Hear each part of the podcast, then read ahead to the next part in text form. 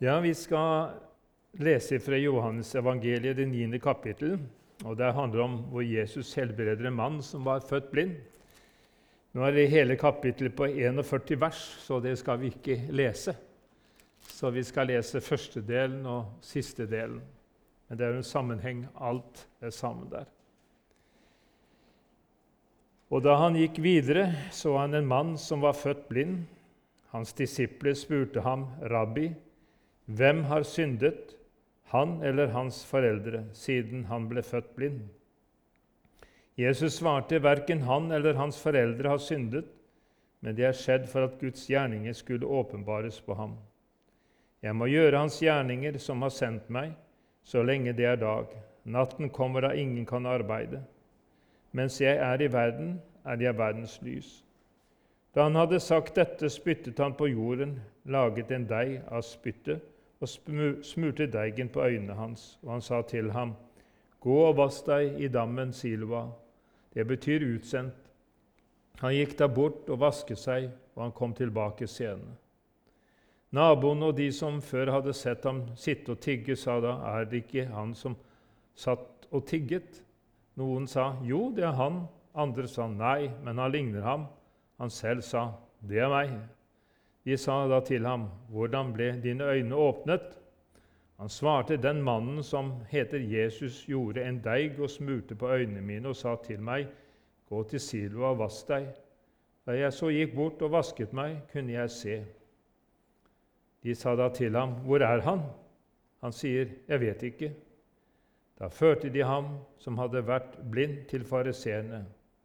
Det var sabbat den dagen da Jesus laget deigen og åpnet øynene hans. Og så skjer det en, en konfrontasjon eller en dialog med de, de skriftlærde og fariseerne her, hvordan det hadde gått til, hvordan dette hadde skjedd. Det endte rett og slett med en strid. Og det endte med det at han som var blitt helbredet, han, han ble kastet ut, sto det. Antakeligvis var de ute i dag fra synagogen. Og Vi skal lese da fra videre fra vers 35, den siste delen. Jesus fikk høre at de hadde kastet ham ut. Da han hadde funnet ham, sa han, 'Tror du, tror du på Guds sønn?' Mannen svarte, 'Hvem er han?' 'Herre, så jeg kan tro på ham.' Jesus sa til ham, 'Du har sett ham. Han som taler med deg, han er det.' Han sa, 'Jeg tror, Herre.' Og han falt ned for ham i tilbedelse. Og Jesus sa, 'Til dom er jeg kommet til denne verden for at de som ikke ser, skal se, og de som ser, skal bli blinde.' Noen av fariseerne som var der sammen med ham, hørte dette, og de sa til ham, 'Vi er kanskje også blinde.' Jesus sa til dem, 'Var dere blinde, da hadde dere ikke synd.'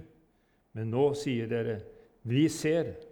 Derfor er dere fremdeles skyldige.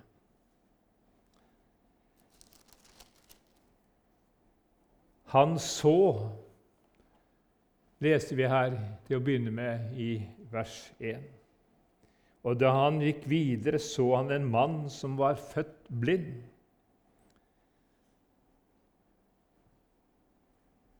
Jesus er den som virkelig ser. Han ser en mann som er født blind. Og så er spørsmålet var han den eneste som var født blind. Men nettopp i denne beretningen åpenbarer også et langt mer alvorlig blindhet, nemlig en blindhet som er representert ved folkets ledere og veiledere. Ja, til og med disiplene hadde del i denne blindhet fordi de stiller Jesus et spørsmål som gir uttrykk for det som var vanlig oppfatning på den tiden. Vi leser i vers 2 og 3.: Rabbi, hvem har syndet, han eller hans foreldre, siden han ble født blind? Jesus svarte, verken han eller hans foreldre har syndet, men det er skjedd for at Guds gjerninger skulle åpenbares på ham. En alvorlig oppfatning i den forstand at uh, syke ble pålagt en umenneskelig tung bør. Og i tillegg til sykdom og nød som de forårsaker seg selv, måtte de som var syke, bære byrden, at de på en spesiell måte var gjenstand ja, skal vi si, for Guds mishag eller Guds misfornøydhet. Og Det er jo eksempler på lignende ting også i dag med usunn forkynnelse. Ja, du har bare deg selv å takke for at du er syk. Det er fordi du ikke har tro nok, og derfor heller ikke den nødvendige innpass hos Gud. Det finnes mange avskyninger av dette, men det ender i at den syke selv har skylden. Det å måtte bære dette, det er meget alvorlig. Så alvorlig at det ikke stemmer med Guds ord. Det får den konsekvens eller følger. Det å komme til Jesus med sin sykdom og nød, det blir så vanskelig. Men nettopp i denne teksten som vi har lest her sammen Jesus innbyr oss til å tro på ham og sette vår tro på ham. Og det er noe som er forunderlig her. Den blinde mannen hadde ikke noen spesiell tro på Jesus. Han, han benevnte han her det var en mann. Jesus, sa han. Han visste ikke hvem han var, men det var en mann. Jesus. Og han visste ikke hvem egentlig Jesus var. Og Det så vi på slutten av når vi leste her. Jesus spurte om han trodde på menneskesønnen, svarte mannen. Da sa han, 'Hvem er han?' 'Herre, så jeg kan tro på ham.' Og Vi kan gå til den syke ved Betestadammen i Johannes 5, 13. Visste heller ikke hvem Jesus var før han ble helbredet. Og vi kan gå til oppvekkelsen av Lasarus i Johannes 11, 40. Martha hun ville ikke at graven skulle åpnes. Da sa Jesus, 'Sa jeg deg ikke at dersom du tror, skal du se Guds herlighet?' Tro, det er ikke en presentasjon som vi møter Jesus med. Vår tro, det er Jesus. Det er Jesus som vekker vår tro og tillit. Og det store ved hver helbredelse er at Jesus helbreder. Og det er Jesus som helbreder, ikke troen. Og denne som Jesus sto overfor, han var dobbelt blind, ja, både legemlig og åndelig. Og Jesus helbreder ham for begge deler. Og på grunn av vår åndelige blindhet heter det om Jesus da han skulle komme inn i denne verden, at det sanne lys som opplyser hvert menneske, var i ferd med å komme til verden, Så det Johannes 1,9. Og flere steder så kaller Jesus for lyset og sannheten. Og når vi går til apostelgjerne 26, til 17-18 hvor vi har Jesu ord til Paulus der i Damaskus, hvor han sier, 'Jeg frir deg ut fra ditt folk og fra hedningene, som jeg sender det til,' 'for at du skal åpne deres øyne, så de kan vende seg fra mørke til lys' 'og fra Satans makt til Gud', for at de kan få syndenes forlatelse og arvedel blant dem som er helliget ved troen på meg. Det var Jesu ord til Paulus der i Damaskus. Og hva brukte Paulus å åpne hedningenes øyne med, så de kunne bli frelst? Paulus hadde ikke makt til seg selv til å gjøre det. I Efesbrevet 6,19 så sier han, 'Be også for meg at det må bli gitt meg ord' når jeg åpner min munn, så jeg med frimodighet kan kunngjøre evangeliets hemmelighet. Og Romerbrevet 10,8.: Ordet er deg nær i din munn og i ditt hjerte. Det er troens ord, det som vi forkynner. Altså, det er tale om ett ord. Og det er ikke hvilket som helst ord.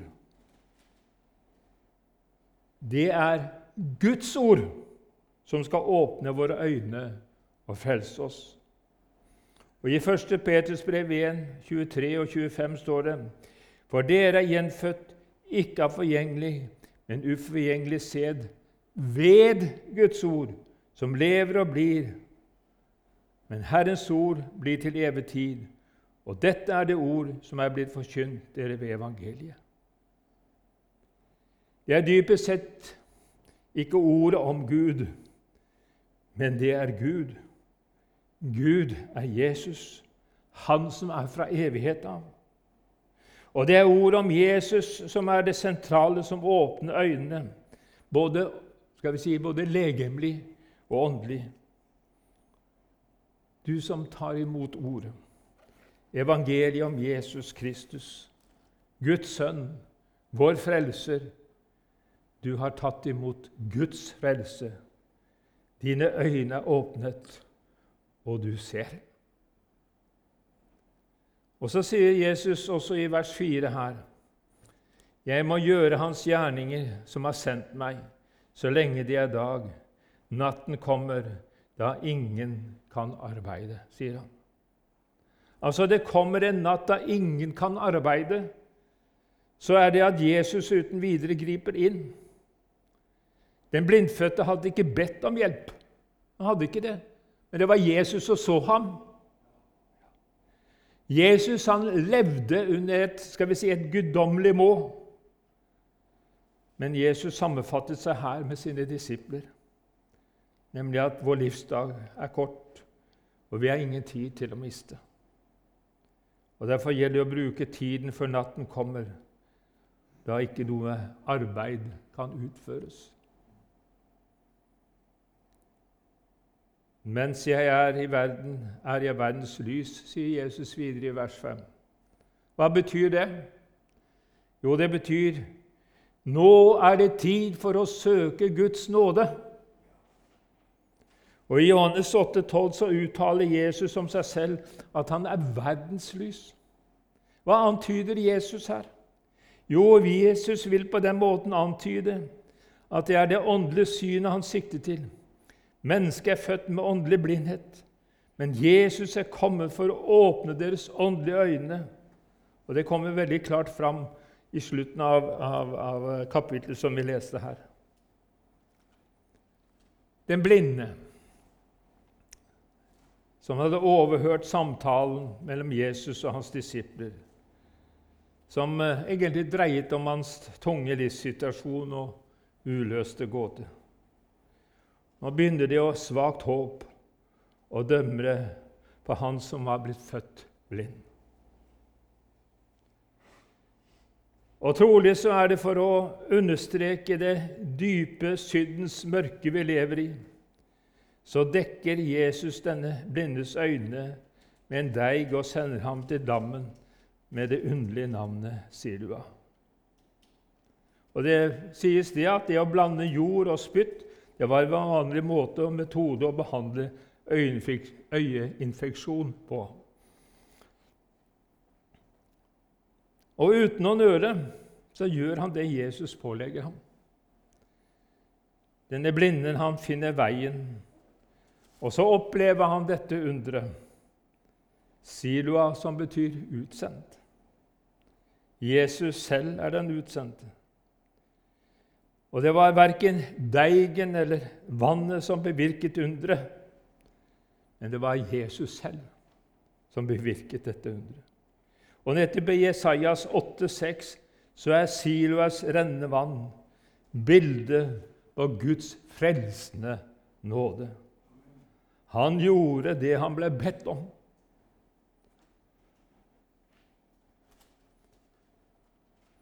Med synet som han fikk, så gryr skal vi si, den første åndelige bevissthet om Jesus storhet. Den blindfødtes spirende tro. Det var et resultat av dette under som skjedde med ham der i Siloa.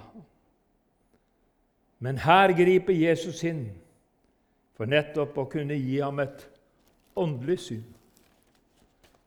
Og når vi leser beretningen mellom versene 15 og 34, som vi ikke leste, så vitner Skriften om at det ble et oppstyr og villrede av denne helbredelsen. Han ble forhørt av fariseerne Ja, bare én gang, men to ganger. Og de kunne slett ikke akseptere dette som Guds under. Og det resulterte i at han, ja, han ble utstøtt av synagogen og fellesskapet. Det de gjør mot ham, virker mot sin hensikt. Men nettopp gjennom kampen med fariseerne så vokser mannens tro til den slår ut fullt under det nye møtet med Jesus i vers 38 her. Han, se, han sa, 'Jeg tror, Herre', og han falt ned for ham i tilbedelse. Egentlig så var det vel en åndskamp som ble utkjempet der, i den situasjonen som de befant i. Og her er vitnesbyrdet fra ham, som er blitt helbredet fra sin fysiske blindhet til å få syn igjen. Det var nøkternt, det var realistisk. Og under begge forhørene så holdt han seg til det som var skjedd. Han gir seg ikke ut med noen diskusjon med fariseerne om Jesu person. Han sa at det var en mann, og i neste omgang jeg tror han er en profet. Ja, og det skulle han vel ikke ha sagt. Bare konstaterte hva som hadde skjedd. Og han avviser bestemt jødenes krav om en ny redegjørelse. Og kan vi si at motet vokser, og vitnesbyrdet det blir til slutt en bekjennelse som bekjenner Jesus som Guds utsending. Og denne bekjennelsen den er bygget på Guds ord, en kjensgjerning som ikke fariseerne kunne slettes ikke benekte. Og utgangen, ja, det ble skjellsord og fysisk makt. Det var det som skjedde der. Og så er det at Jesus han sier åpent ut han er i Guds sønn. Det sier han i vers 37. Jesus sa til ham, 'Du har sett ham, ham som taler med deg. Han er det.' Og I nettopp i takknemlighet så faller denne blindfødte, som nå er seende, ned for Jesus i ydmyk tilbedelse. Og Denne blindfødtes tro var slett ikke en betingelse for at underet skulle skje. Men det var en frukt, nemlig Guds gjerning og Guds herlighet, som ble åpenbart der og da.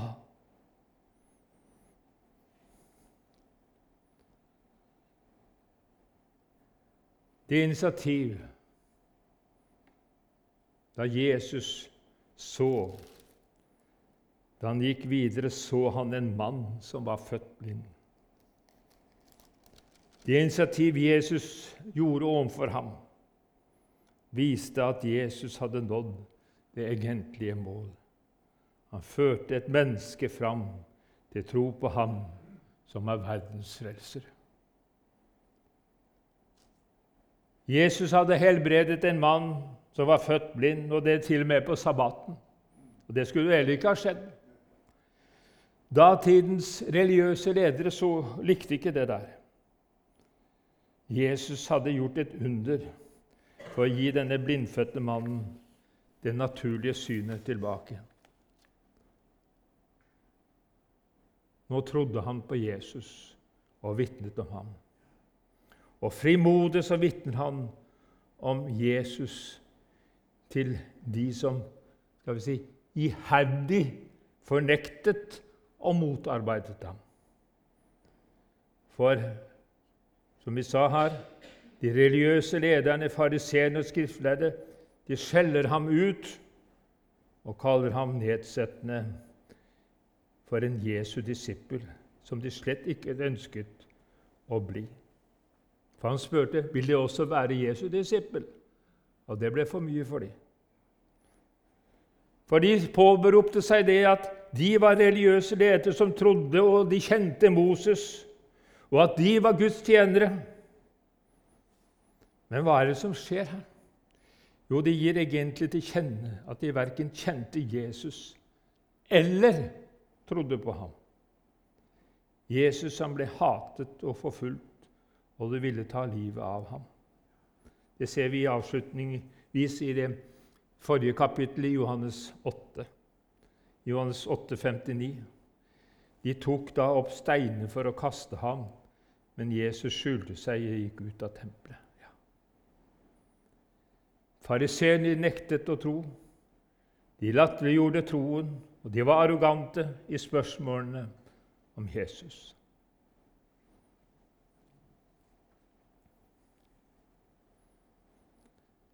Det ble et livsforandrende møte med Jesus.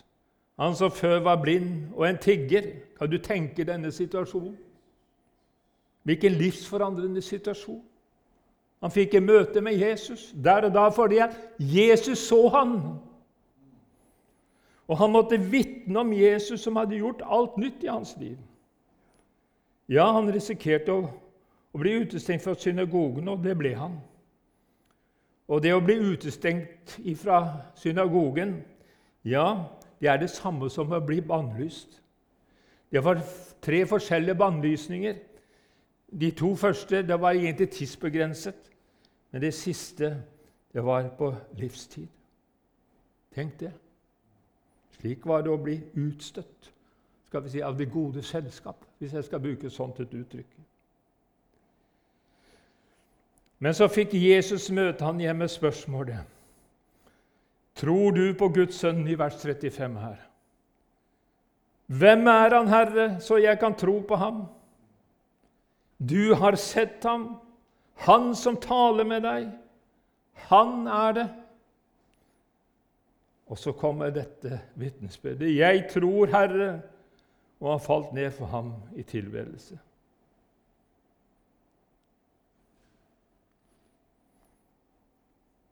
Jesus han talte datidens ledere midt imot. Ikke bare de rike og mektige, men også de religiøse lederne som utbyttet og undertrykte folk. Og Jesus' anklage var at de ikke kjente sannheten om Gud. Men de trodde om seg selv at de var skal vi si, meget rettroende. Det var jo Moses' disipler, de var Abrahams barn. Alt skulle jo være i orden. Men så kan vi ta til ettertanke og refleksjon hva Jesus sier om seg selv hos evangelisten Johannes. Ja, er, jeg vet ikke om jeg skal ta alle, men i Johannes 8, 55 står det Men jeg kjenner ham. Dersom jeg sa at jeg ikke kjente ham, var jeg en løgner, slik som dere. Det er Jesus som taler om dette. Dere kjenner verken meg eller min far. Hadde dere kjent meg, hadde dere også kjent meg. Johannes 8, 19. Og Så kunne de fortsette videre i Johannes 7 og, og Johannes 14. Og vi kan ta Johannes 8, 42. Var, dere, var Gud deres far, da hadde dere elsket meg, sier Jesus. Men sier jeg sannheten, hvorfor tror dere meg da ikke? Den som er av Gud, hører Guds ord. Dere hører ikke, for dere er ikke av Gud, står i Johannes 8, 46-47. Og Nå skal vi snart lande. Men så er det at Jesus sier et ord i vers 39 her i dette kapittelet som vi har lest sammen. Til dom er jeg kommet i denne verden, for at de som ikke ser, skal se, og de som, skal, og de som ser, skal bli blinde. Og Egentlig så den, kan denne teksten virke skremmende om vi ikke forstår hvorfor og for hvem Jesus kom. Hvorfor rammet dommen de religiøse lederne, fariseerne, de skriftlærerne? De hadde ikke blitt dømt om de var blinde, men de hevder at de så, men de så ikke hvem Jesus var. Jesus han var ikke kommet for å dømme blinde, de med en åndelig blindhet, men for å gi oss synet på hvem, hvem han selv er. Og Derfor så møtte eh, Jesus også eh, Nikodemus i Johannes 3 her, i 17. For Gud sendte ikke sin sønn til verden for å dømme verden, men for at verden skulle bli frelst ved ham, altså Jesus. Den som tror ham, blir ikke dømt, fordi en ikke trodd på Guds enbårne sønns navn. Og dette er dommen, at lyset er kommet til verden, og menneskene elsker mørket framfor lyset, for deres gjerninger var onde. Ja. Er jeg villig til å ta imot og bøye meg for ordet, slik som Jesus omtales i Johannes 8, 12, han som er verdens lys? Jesus han kom for syndere. Han kom for å søke og frelse det som var fortapt. Valget er mitt, valget er ditt. Og så er Jesus her og kaller den enkelte ved evangeliet ved sitt eget ord inn i livssamfunnet med seg. Og så er det Jesus som har gitt deg synet, og kan gi deg synet på ham. Om du står utenfor dette livssamfunnet med Jesus, med din blindhet og så skal vi ta med oss selve kjerneordet i dette kapitlet, som var den blindfødte sitt vitnesbyrd, i det 25. verset der. Han sier med et mektig vitnesbyrd Ett vet jeg, at jeg som var blind, nå ser. Jesus så den blindfødte. Jesus ser deg. Amen.